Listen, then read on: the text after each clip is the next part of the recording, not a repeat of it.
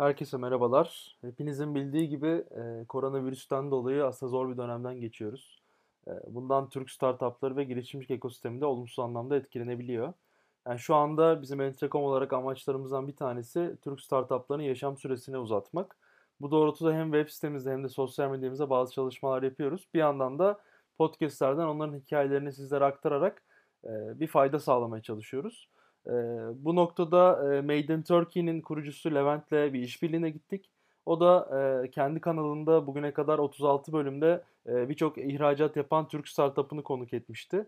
E, çok çok değerli çalışmaları var.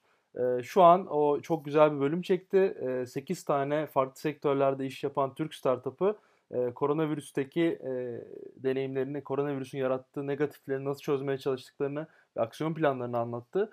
E, biz de Entrecom Podcast olarak Made in Turkey'nin bu yayınını kendi kanalımızda şu an paylaşıyoruz. E, sizlere Made in Turkey'nin e, Türk startupları koronavirüste dönemde neler yapıyor bölümüyle baş başa bırakıyorum. Made in Turkey. Made in Turkey. Made in Turkey. Made in Turkey. Made in Turkey. Made in Turkey. Made in Turkey. Herkese selamlar. Ben Levent Taşkan ve Türkiye'den yurt dışına ürün satan firmaları ağırladığımız Made in Turkey adlı podcast'imizin 37. bölümüne hoş geldiniz. Bu bölümümüzde ihracat yapan firmaların koronavirüsünden nasıl etkilendiğini aktaracağız sizlere.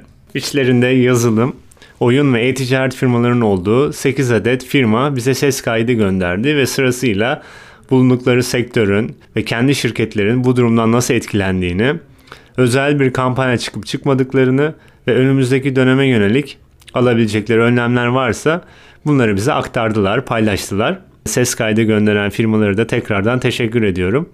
Eğer siz de ihracat yapıyorsanız ve görüşlerinizi aktarmak isterseniz, yaşadıklarınızı aktarmak isterseniz bize selamet.madeinturkey.xyz adresinden ulaşıp ses kaydınızı gönderebilirsiniz. Türkiye içerisinde çalışmalar yapıyorsanız ve buraya yönelik görüşlerinizi, deneyimlerinizi paylaşmak isterseniz de bunun üzerine Enis Yurda Tapan bir bölüm çekecek Entry.com podcast altında. Kendisine Entry.com.io veya e, Enis Yurda Tapan Twitter uzantıları üzerinden ulaşabilir ve detayları öğrenebilirsiniz. Bölümümüze Use Inbox firmasının kurucu ortaklarından Onur Genç'in ses kaydı dinleyerek başlıyoruz. Levent merhaba. Ee, bizim keyifler iyi. Sağlık yolunda. Umarım senin de öyledir. Şimdi vermiş olduğun sorulara kısaca şöyle cevap verebilirim. Yazılım sektörü bence bu sistemden yani bu virüsten en son etkilenecek sektör ama mutlaka etkilenecek. Çünkü etkilenmesi şöyle olacak.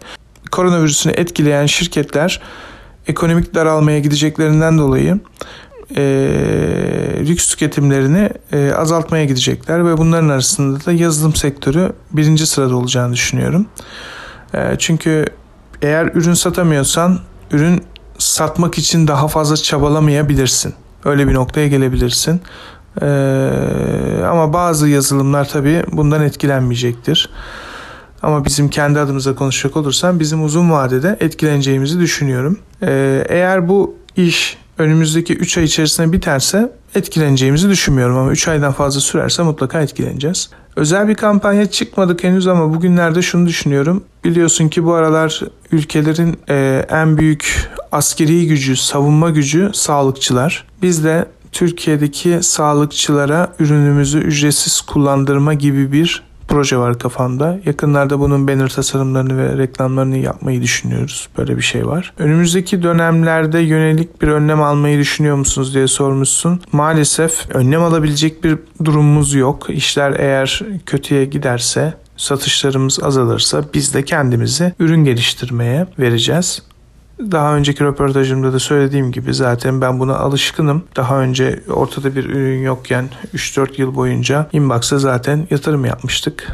Geliştirmiştik sadece çünkü daha ürün ortaya çıkmamıştı. Dolayısıyla böyle bir sürece gireceğiz. Ama umarım 3-4 aydan fazla sürmez bu süreç. O zaman bizi çok fazla etkileyeceğini düşünmüyorum açıkçası. Yani genel olarak fikrim yazılım sektörünün bundan en son etkileneceği ama mutlaka etkileneceği bütün sektörler etkilenecek. E, çünkü zaten bu iş 3-4 ayda çözülse bile yıkımı büyük oldu. Ekonomiye e, darbesi çok büyük oldu. Genel olarak bir resesyon dönemi dünyada olacak zaten. Bu herkese etkileyecek diye düşünüyorum. Yani benim yorumlarım böyle. Umarım faydalı olmuştur. Görüşmek üzere. Kendine iyi bak. Şimdi Country firmasının kurucu ortaklarından olan Onur Alpsoner'i dinliyoruz. Yazılım sektöründe bu salgını avantaja çevirebilmiş şirketler var. E, yaptıkları işin doğası sebebiyle e, video konferans, mesajlaşma, uzaktan çalışma, online eğitim ve benzeri konulara yönelik işler yapan şirketler e, müşteri tabanlarında bir artış gördüler. Bir, bir diğer tarafta da şu an satışları düşmeye başlamış, endişe içerisinde durumu takip eden bir kitle de maalesef mevcut. Dijitalleşmenin ani olarak hızlanmaya zorlandığı bu süreçte diğer sektörlere göre daha avantajlı bir durumdayız diye düşünüyorum yazılım sektörü olarak. E, ancak her şirket için maalesef durum Zoom ya da Slack örneklerinde olduğu kadar parlak değil ve parlak olmayacak. Yani girişimcilere tavsiyem önümüzdeki 12 aylık sürece kendilerini mental ve ekonomik olarak mümkün olduğunca hazırlamaları. Bu süreçte count olarak bizim e, birkaç önceliğimiz var. Birinci önceliğimiz e, çalışanlarımızın ve ailelerinin her anlamda sağlığı. E, biz uzun süredir uzaktan çalışıyor olsak da bizim açımızdan yani herkeste olduğu gibi durum psikolojik etkileri oldu ve olmaya devam edecek. Ekibin sağlıklı, mutlu, güvenli hissetmelerini sağlamak bu süreçte çok çok daha önemli benim için. İkinci önceliğimiz müşterilerimiz. Müşterilerimizin çoğu alışık olmadıkları değişimlerden geçiyorlar. E, ekipler uzaktan çalışmaya başlıyor. Düzenleri biraz bozulmuş durumda. E, biz Country ürün çerçevesinde elimizden gelen her şekilde onların yanında olarak e, her zaman yaptığımız gibi daha iyi dijital deneyimler sunmaları için çabalamaya kesintisiz devam edeceğiz. Üçüncü önceliğimiz de içinde bulunduğumuz durumu e, birazcık da olsa daha iyi değerlendirebileceğimiz noktalara odaklanmak. Şirket içi belirli iyileştirmelere gitmek, dokümantasyon olsun, satış süreçleri olsun, destek ve yazılım geliştirme süreçleri olsun. Ee, ve uzaktan çalışmanın e, dikkatleri üzerine çektiği bu dönemde e, işe alımlara devam edeceğiz. Biz bu süreçte özel bir pazarlama kampanyası çıkmadık. Odağımız e, yeni müşteri kazanmaktan çok var olan müşterilerimizi korumak şeklinde değişti diyebilirim. Ee, çünkü ister istemez bizim her boyuttaki müşterimiz bu olayın ekonomik yansımalarından etkilenecek. Ee, dijital bir servis bile satıyor olsanız şirketlerin yaptığı satın almalardaki değişimlerden etkileneceksiniz. Biz de etkileneceğiz. Ee, müşterileri korumak için yapılan çalışmalar her zaman önemli. Ancak şu dönemde e, bunun çok daha büyük önem taşıdığına inanıyorum. Önümüzdeki dönemlere yönelik şu an için önlem almamız gerektirecek bir durum oluşmadı. E, uzaktan çalışma bizim 7 senedir içinde bulunduğumuz bir düzen. Eğer ki bunu yapmıyor olsaydık alacağımız ilk aksiyon bunu hayata geçirmek için bir planlama yapmak olurdu muhtemelen. E, bir diğer konuda girişim şirketlerinin genelde e, mali risk faktörünün yüksek oluşu. Özellikle yatırım anlamında Avrupa ve Amerika'daki girişimlerden, girişimcilerden e, duyduğum kadarıyla yatırımcılar da e, var olan yatırımlarının sağlığına odaklanmış durumda. E, onların da bazı ülkelerde hastanelerde verilen e, kim yaşayacak, kim ölecek gibi çok zor kararları vermesi gerekecek ilerleyen dönemlerde. Yeni bir girişimde olsanız, daha eski ve belki yatırım almış bir girişimde olsanız şu an yapılması gereken şey harcamaları sıkı bir kontrol altına almak, e, bütçeleri iyi planlamak ve zor geçecek 12 ay gibi bir sürece mümkün olduğu kadar hazırlıklı olmaya çalışmak. Merhabalar, ben User Guiding ekibinden Mert. Öncelikle herkese sağlıklı günler diliyorum. E, bu salgın döneminde User Guiding'e olan ilgi biraz arttı. Demolarda konuştuğumuz kadarıyla insanlar evden çalışırlarken ve belirsiz bir şekilde ne olacağını beklerlerken e, kullanıcı oryantasyonu gibi sıkıcı işlerini otomatikleştirmeyi daha çok istediklerini bize söylediler. Bu sebeple yeni müşteri sayımız biraz artıyor, artmaya devam ediyor. E, son haftalarda birkaç müşterimiz, 2-3 tanesi e, ki bunlar diğerlerine nazaran daha büyük şirketler masraflarını kısmak için hizmeti durdurmak istediklerini söylediler.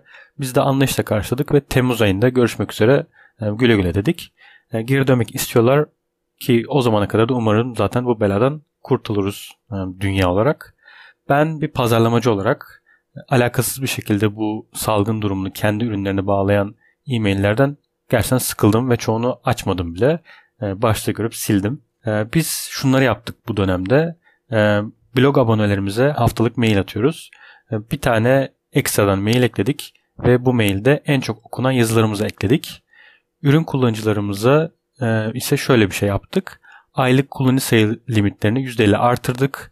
E, Vodafone'un bu konuda bir araştırması var. İnternet trafiği salgın öncesine göre yaklaşık %50 artmış durumda. Biz de son kullanıcılarımızın müşterisi de arttığını düşünerek e, ekstra ücret almadan kullanıcı limitlerini artırdık. Bu hafta yeni agresif bir şey deniyorum. E, Google reklamlarında rakiplerin keywordlerini hedefleyip işte salgın döneminde çok para harcamayın aynı işi user guiding ile daha ucuz yapın gibi bir reklam çıkacağım. Bakalım sonuçlar ne olacak ben de merak ediyorum. Hatta Levent'te paylaşacağım sonrasında.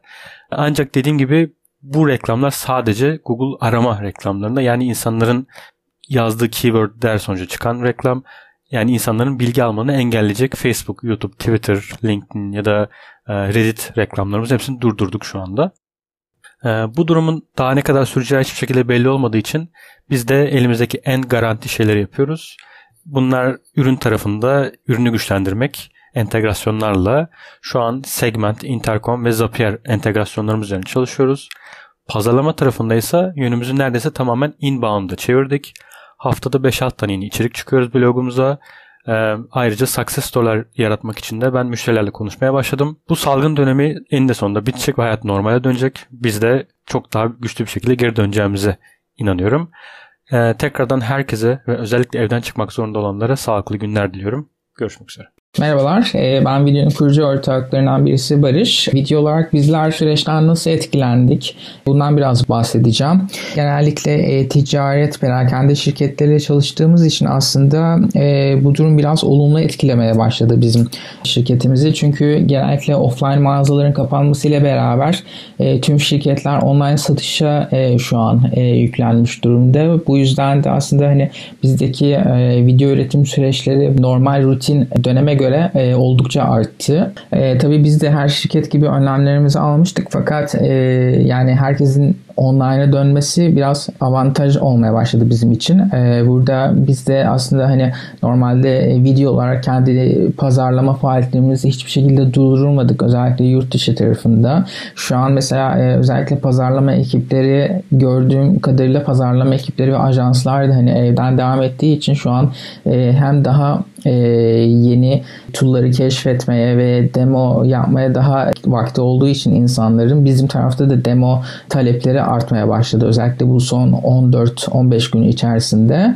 Bu süreçte aslında reklamlarımızı durdurmak yerine e, tam tersi bizim tool'umuzu tanıtan e, içerikler, e, reklamlar vesaire tüm e, outbound kanallarımızı aslında biraz daha arttırdık bu son iki haftada. İnsanlar çünkü ulaşmak bu dönemde biraz daha e, rahat oldu. E, özellikle insanlar dediğim gibi hani şu an e, biraz daha e, vakti olduğu için insanlar e, özellikle pazarlama ekipleri farklı bir şeyler keşfetmeye ve hani e, dijitaldeki kendi performanslarını arttırabilecek e, tool'lara yönelmeye başladılar. E, bu yüzden de hani biz de bunu efektif bir şekilde kullanmaya e, çalışıyoruz. E, bunun dışında e, şu an mevcut müşterilerimizde de e, fark ettiğimiz e, oldukça fazla e, dijitale bir reklam harcaması yapıyor. Özellikle perakende şirketleri. E, gün aşırı kampanya çıkmaya başladı gördüğüm kadarıyla kendi müşterilerimiz şu an. Tabii bu hani online satışın e, getirdiği avantajlardan dolayı bu farklı sektörlerde farklı şekilde etkileniyordur. Hani biz perakende ile özellikle e-ticaretle doğrudan çalıştığımız için bu bizim tarafta olumlu e, gerçekleşen bir e, süreç oldu. E, umarım hani bu süreci de e, herkes gibi hani olumlu bir şekilde atlatıp e, normal e, hayatımızı en kısa sürede devam etmeyi e, ümit ediyoruz. Merhabalar herkese. Teşekkürler Levent davetin için. Ben Erdem Lafçı, Eps'in kurucu ortağıyım. Made in Turkey podcast'inin 5. bölümüne konuk olmuştum. Her sektör gibi oyun sektörü de korona virüsünden oldukça etkilendi. Ancak diğer sektörlere nazaran bu olumsuz etki biraz daha az oldu diyebiliriz. Bizim tarafta en büyük etkisi oyun fuarlarının ve konferansların iptali şeklinde gerçekleşti. Bir yandan da özellikle PC ve konsol tarafındaki bazı büyük oyunların lansmanları ertelendi. Oyun sektörü insanların ekran karşısında geçirdikleri vakitten pay almaya çalıştığı için bu evde kalma durumları bizim için bir avantaj olarak gözükebilir insanlar daha çok vakit geçiriyor. Zaten oyunlarımızdaki session time'lara baktığımızda ciddi bir artış olduğunu görüyoruz. Ee, bununla birlikte retention ve organik download sayılarımızda da artış var. Bununla beraber tüm dünyada reklam harcamaları düştüğü için CPI dediğimiz yani kullanıcı edinme maliyetlerimize düşmüş durumda. Ancak bunun bir dezavantajı olarak reklamlardan kazandığımız paralar da düşmüş durumda. Yani her bir reklamın gösterim başına kazandığımız CPM dediğimiz e, metriklerde de azalma var. Bu dönem özellikle gelir modeli in-app purchase üstüne olan mobil oyunlar için çok büyük avantaj olacağını düşünüyorum. Çünkü trafikleri artacak, daha ucuza daha çok download alabilecekler ve reklam gelirlerindeki azalmadan etkilenmiyor olacaklar. Çünkü reklama dayalı bir iş modelleri olmadığı için. Onun dışında ekip olarak Türkiye'de ilk vaka çıktığından beri evde çalışma düzenine geçmiş durumdayız. Yani tüm ekip evden çalışmaya devam ediyor aynı şekilde. İşte her sabah toplantımızı, her akşam toplantımızı yapıyoruz tüm ekiple birlikte. Onun dışında tasklarımız aynen devam ediyor. Performansımızda da şu an çok bir kayıp yok ama bu süreç uzarsa neler olacak göreceğiz. Bu durumun devam etmesi koşulunda da şu an için çok bir farklı bir stratejiye geçmeyi ya da farklı bir önlem almayı düşünmüyoruz. Yine evden çalışmaya devam edeceğiz. İşte zaten pipeline'da bekleyen birçok oyunumuz var. Onları geliştirmeye ve yayınlamaya devam ediyor olacağız. Ekstra bir değişiklik olmadı bizim için. Şimdi T-Play firmasının kurucu ortaklarından olan Umut Ermeç'i dinliyoruz. Merhabalar herkese. Hemen e, soruların cevabına geçeyim. Oyun sektörü koronavirüsünden nasıl etkilendi? Kısa cevabı bu sorunun e, olumlu. Oyun sektörü evde kalan sayısıyla orantılı olarak bir ilerleme kaydetti. Çünkü e, evde kalan sayısı insan arttıkça indirilen oyun sayısı da arttı. E, buna ilave olarak e, oynama süreleri de arttı. İnsanların bir oyunda geçirdikleri ortalama süre de e, eskisinden daha fazla şu anda. Buna ilave olarak bir şey daha söyleyeyim. Oyun sektörü genellikle evden çalışmaya alışkın insanların yoğun olarak faaliyet gösterdiği bir sektör. Bu yüzden iş gücü kaybıyla da karşılaşmadı. Tam tersine e, diğer sektörlerin aksine e, insanlar evden çalışmaya çok hızlı adapte oldular benim gördüğüm. Oyun geliştiriciler olsun, tasarımcılar olsun bunlar zaten freelance kariyerlerden gelen insanlar genellikle. Dolayısıyla bir proje için e, başkalarıyla evden çalışma üzerine deneyimleri var. İndirme sayıları ve gelirde nasıl bir değişiklik var? Özel bir kampanya çıktınız mı diye bir soru var. E, indirme sayıları evde kalan insan sayısına orantılı olarak arttı söylediğim gibi. Gelir de dolayısıyla e, buna paralel bir şekilde arttı. E, olumlu bir gelişme var bu anlamda da. Biz T-Play Studio olarak salgına yönelik özel bir kampanya çıkmadık. Büyümemizi daha önce belirlediğimiz kilometre taşları üzerinden yapmaya devam ediyoruz. Çalışma modeli olarak nasıl ilerliyorsunuz? T-Play Studio olarak biz iki hafta önce, daha doğrusu şu an üçüncü haftasındayız. Evden çalışma modeline geçtik. Herkes evden çalışıyor.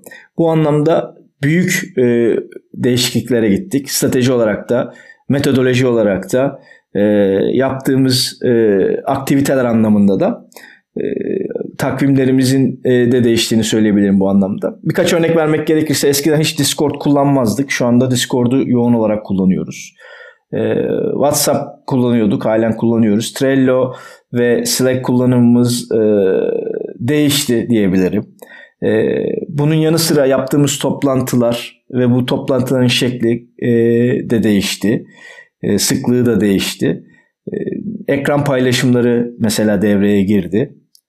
Birbirimizden haberdar olmak adına kullandığımız iletişim stratejilerinde güncellemelere gittik. Bunlar çok önemli değişiklikler. Önümüzdeki dönemde de e, bu değişikliklere devam etmeyi planlıyoruz. E, bu e, kendini değiştiren ve yenileyen bir sistem. Biz de yeni öğreniyoruz evden çalışmayı. Herkes bireysel olarak evden çalıştı daha önce kariyerlerinde ama e, büyük bir ekip olarak e, büyük projelerde e, herkesin evde olduğu bir ortamda çalışmak herkesin başına yeni gelen bir şey. Tüm dünya ile beraber biz de öğreniyoruz bunu. Önümüzdeki dönemlere yönelik bir önlem almayı düşünüyor musunuz şeklinde bir soru var. Ee, önümüzdeki sürecin neyi getireceğini aslına bakarsanız kimse bilmiyor. Ee, tabii ki inşallah salgın bir önce biter ve herkes normal hayatlarına geri döner.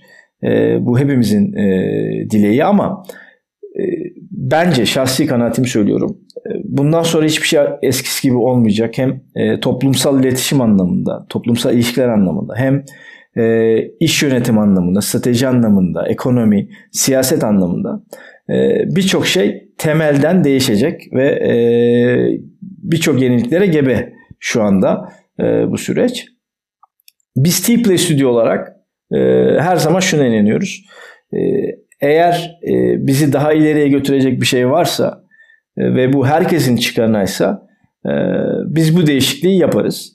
E, dolayısıyla e, önümüzdeki süreçte de T-Play Studio değişime ayak direten değil, değişime kucak açan e, saf, safta olacaktır. E, örneğin e, evden çalışma modelinin e, kalıcı hale getirilmesi de dahil olmak üzere e, değişik e, teknolojilerin iş yönetiminde, proje yönetiminde kullanılması da dahil olmak üzere e, birçok e, strateji değişikliğini biz şu anda değerlendiriyoruz. Hepsi masada e, ve bu kendini yenileyen bir süreç. Şimdi SixFab firmasının kurucu ortaklarından olan İsmet Ergin'i dinliyoruz. Salgın nedeniyle ticaret sektörü genel olarak oldukça olumlu etkilenmiş gibi gözüküyor. Ama bazı sektörlerde yani özellikle hızlı tüketim ve benzeri sektörler dışında kalan bazı sektörlerde olumsuz etkilenmeler de var. Bizde ise durum içinde yaşanan problemden dolayı öncelikli olarak e, tedarik problemleri yaşadık. Bütün e, elektronik sektöründe e, zaten aynı durum geçerli. Özellikle Ocak ve Şubat e, aylarında Çin tatiliyle beraber salgın nedeniyle tatilin uzaması e, elektronik sektöründe ciddi bir e, tedarik problemine yol açtı. E, bu dönemde e, birçok malı işte stoktan başka ülkelerden vesaire bulma gibi yöntemlere başvurmak durumunda kaldık. E, bu da zaten e, maliyetleri ciddi derecede arttırdı bu süre için. E, ancak işte son geçtiğimiz birkaç haftada Çin olabildiğince normale e, dönmüş gibi gözüküyor. E, sipariş sürelerinde uzamalar olsa da e, şu an normal seyrine yaklaştı gayet. Şu an kargolarda ufak gecikmeler yaşanabiliyor. Operasyonel yoğunluğun olması, belli bir süreden sonra siparişlerin birikmesi nedeniyle ve iş gücünde bazı yaşanan e, azalmalardan dolayı e, kargolarda bir miktar e, yavaşlama oldu açıkçası ama şu an kritik seviyeyi geçmiş gibi gözüküyoruz. Çin'den gelen ürünlerin tedariği noktasında. Biz işte Ocak-Şubat aylarında burada etkilendiğimiz için üretimlerimizde bir miktar sarkmalar oldu. Şubat sonu çıkartmak istediğimiz bir ürünü şu an yeni üretimine başlayabiliyoruz. Bir ay gibi bir mesela gecikme burada yaşadık. Şu an e, ağırlıklı olarak da e, müşterilerimizde yaşanan problemler bizde Avrupa Amerika ağırlıklı e, satışımız ve geçtiğimiz hafta Türkiye'de olduğu gibi orada da yani geçtiğimiz 1-2 haftada tam asıl şok hissedildi. Bu süreçte bazı dalgalanmalar oldu. Şu an bir miktar müşterilerimiz etkilendiğinden dolayı gerileme var ama tahmin ettiğimiz derecede kötü değil. E, hatta son günlerde toparladı diyebiliriz. E, burada da sokağa çıkma yasaklarının ve işte uzaktan çalışma sistemlerinin yeni e, oturtulmaya çalışmasından dolayı geçtiğimiz hafta özellikle etkilendi gibi görüyoruz. Şu an biraz daha uzaktan da olsa işleri tekrar rayına koymaya çalışıyor birçok firma. Bundan dolayı tekrar siparişler normale dönmeye başladı gibi gözüküyor müşterilerimiz tarafında. Önümüzdeki süreçte de e, normalde çok hızlı büyümeyi planladığımız bir dönem olmasına rağmen orada biraz yavaşlama bekliyoruz. E, büyümede yavaşlama ama gerileyeceğini düşünmüyoruz. Çalışma modeli olarak da e, biz zaten normalde ARGE ve destek ekibimiz remote çalışma özgürlüğü vardı. Ondan dolayı hala hazırda o ekibimiz istediği zaman remote çalıştığından dolayı şu an bir geçişte bir sıkıntı yaşamadık full remote çalışma noktasında bir sıkıntımız yok o tarafta. Tabii e, kargolama ve üretim ister istemez remote olma şansı yok. E, bu ekiplerimiz de işte olabildiğince az kişi e, minimum seviyede götürmeye çalışıyoruz. E, birkaç kişiyle gerekli önlemler alınarak e, mesafeler ve işte ofisteki koruyucu malzemelerle beraber e, en güvenli şekilde üretime ve kargolamaya devam ediyoruz. Ee, normalde işte 14 kişiyiz. Ee, ofiste 2 maksimum 3 kişi oluyor bir günde. Onlar da zaten olabildiğince farklı noktalarda çalıştığı için pek birbirleriyle de temas kurmayacak şekilde götürüyoruz. Onun dışında lojistik anlamında hala hazırda Avrupa ve Amerika depoları üzerinden çalıştığımız için Açıkçası biz bu zamanlara biraz daha hazırlanmış gibi olduk zaten geçtiğimiz yıl. O nedenle şu an bir sıkıntı yaşamadık lojistik noktasında. Ufak tefek gönderilerde gecikmeler e, olmasına rağmen o taraftan bir problem yaşamadık. E, biraz şöyle bir problem oluyor. Müşteriler genelde adres değiştirdiği için e, şirket yerine evlerden çalışma ya da işte siparişin gönderileceği kişinin değişmesi, ekipler hep ayrı ayrı olduğu için lojistik noktasında teslimat adreslerinin değişmesiyle alakalı çok talep gelmeye başladı. Bunu yönetmek biraz daha ekstra yük oluyor teslimatlardaki sıkıntılar nedeniyle. Ama işte herkes biraz daha kimlerde hangi sipariş nereye gideceği yavaş yavaş sipariş verirken e, firmalar, müşteriler dikkat etmeye başladığı için onun da düzeleceğini düşünüyoruz. Şu anlık e, bizim e, salgının etkileri bu şekilde. Tüm dinleyenlere de sana da sağlıklı ve e, iyi günler diliyorum. Görüşmek üzere. Şimdi Hobbyum firmasının e-ticaret ve operasyon direktörü Ali Aygün'ü dinliyoruz. Birinci sorumuzdan yanıtlayarak başlayayım. Şimdi Hobbyum tabii ki daha çok evde yapılan faaliyetler ve etkinliklerden biri olan el örgü ipliği pazarında olduğu için e, bu anlamda olumlu bir artıştan söz edebiliriz. Tabii ki bu yurt dışı tarafında bir azalma söz konusu. Yani her ne kadar biz DHL'le göndersek de e, DHL her gün her ülkenin aldığı aksiyona göre gümrüklerden bilgi veriyor. Bazı ülkelere mal sokmak çok mümkün olmuyor. Biz de sürekli olarak güncellemelerini yapıyoruz bunun. Kargolama kısmı ise şöyle. Şimdi depomuzda tabii ki e, bütün personel arkadaşlarımız daha ilk günden beridir e, maskeli ve eldivenli. Bu tabii ki hem bizim çalışan arkadaşlarımız ki biz depo süreçlerimizi outsource ediyoruz. Çalışan arkadaşlarımız için önemli, müşterilerimiz için önemli. Düzenli olarak aynı zamanda e, malları dezenfekte ediyoruz. Yani sürekli olarak 8500 SQ'luk malın tamamı şişler, tığlar, dergiler aklınıza gelebilecek her şey sürekli olarak dezenfekte ediliyor. E, düzenli olarak yapılıyor. Kargolamalarda yalnız şu anda tabii ki kargo firmalarında bir takım sıkıntıları olduğunu duyuyoruz ama Black Friday'deki gibi değil. E, kargolarda da dönüşümlü çalışma prensibine geçen firmalar da var. Biraz kargolardan mütevellit yavaşlama söz konusu. Yoksa biz yine aynı gün hızlı bir şekilde kargolarımızı çıkartmaya gayret ediyoruz. Hem yurt içi hem yurt dışı. Çalışma modeli olarak evden çalışıyoruz. Zaten çok buna müsait de bir firmayız. Ama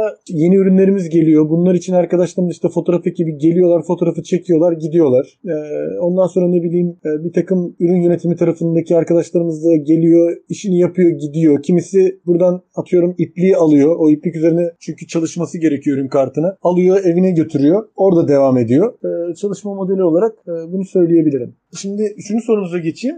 Şimdi az önce ben tam bu konuyla alakalı da bir LinkedIn postu attım. Yani Amerika'da daha dün 3 milyon kişi haftalık işsizlik maaşına başvurmuşken Türkiye'de yine dün itibariyle mücbir sebepten dolayı Türkiye'nin büyük firmaları çeklerini ödemiyorken valla her önlem düşünülmeli bence. Her önlem düşünülmeli. Bunu herkes adını ne koyarsa koysun bir şekilde en kötü senaryoyu çalışmak lazım. Ben açıkçası artık hani aşı bulundu haberi gelse bile çok olumlu şeyler olacağını düşünmüyorum. Yani kimse ihtiyatı elden bırakmaz. Hani Türk Ticaret Kanunu'ndaki basiretli tüccar ihtiyatı elinden bırakmaz daha bu saatten sonra. Çünkü bu daha önceki yaşadığımız hiçbir şeye benzemiyor. Bakalım ne olacak göreceğiz. Yani ham madde sıkıntıları yaşanacak, nakit sıkıntıları yaşanacak, aklımıza gelecek bir sürü şey yaşanacak. Ben çok büyük tekstil firmalarının zaten şeye döneceğini düşünüyorum. Maske üretimine, ondan sonra steril malzeme üretimine, e, tulum, kıyafet, elbise, eldiven bunlara döneceklerini düşünüyorum. Herkes bir şekilde ayakta kalmanın yollarını bulacak. Şu zamanda marka, markalaşma daha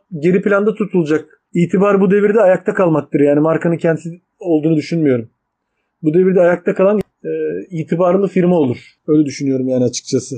Bölümü dinlediğiniz için teşekkürler. Bölümün başında da dediğim gibi ihracat tarafında yaşadığınız deneyimleri aktarmak isterseniz bize selam et madeinturkey.xyz adresinden ulaşabilirsiniz. Bölümü severek takip ettiğim bir podcast olan Çağrı Sarıgüz'ün tanıtım kaydıyla kapatıyorum. Kendinize çok iyi bakın ve her şeye karşın olumlu düşünmeye, üretmeye devam edin. Sağlıcakla. Merhaba, ben Çağrı Sarıgöz. Öncelikle Levent'e bu tanıtım imkanını sağladığı için teşekkür ederim. Made in Turkey'yi ilk yayınlandığı günden bu yana takip ediyorum. Yarattığı etkiyi gördükçe ben de kendi podcast'im için daha motive oluyorum. Girişimcilik, teknoloji ve iş dünyasına yönelik çektiğim podcast'imden bahsetmek istiyorum size. Podcast'imde girişimcilik ekosistemine katkı sağlayabilmeyi ve girişimcilikle birlikte farklı profesyonel kariyer rotalarının çizilebileceğini göstermek istiyorum aslında. Konuklarımı ve ve işlediğim konuları da bu yönde seçmeye gayret ediyorum. Podcast'ime şu an beni dinlediğiniz platformda Çağrı Sarıgöz Podcast diye aratarak ya da çağrısarıgöz.com slash podcast adresinden ulaşabilirsiniz. Tekrardan çok teşekkürler. Made in Turkey kurucusu Levent'in hazırlayıp derlediği ihracat yapan firmalar koronavirüsünden nasıl etkilendi bölümünü dinlediğiniz için teşekkür ederiz. Eğer sizin de ihracat yapan bir startup'ınız varsa Levent'e koronavirüsten nasıl etkilendiğinizi ve neler yaptığınızı anlatan ses kayıtlarını onunla paylaşabilirsiniz. E, bu bölümün devamı da gelecek. E, Entrecom Podcast'in diğer bölümlerinde görüşmek üzere. Hoşçakalın.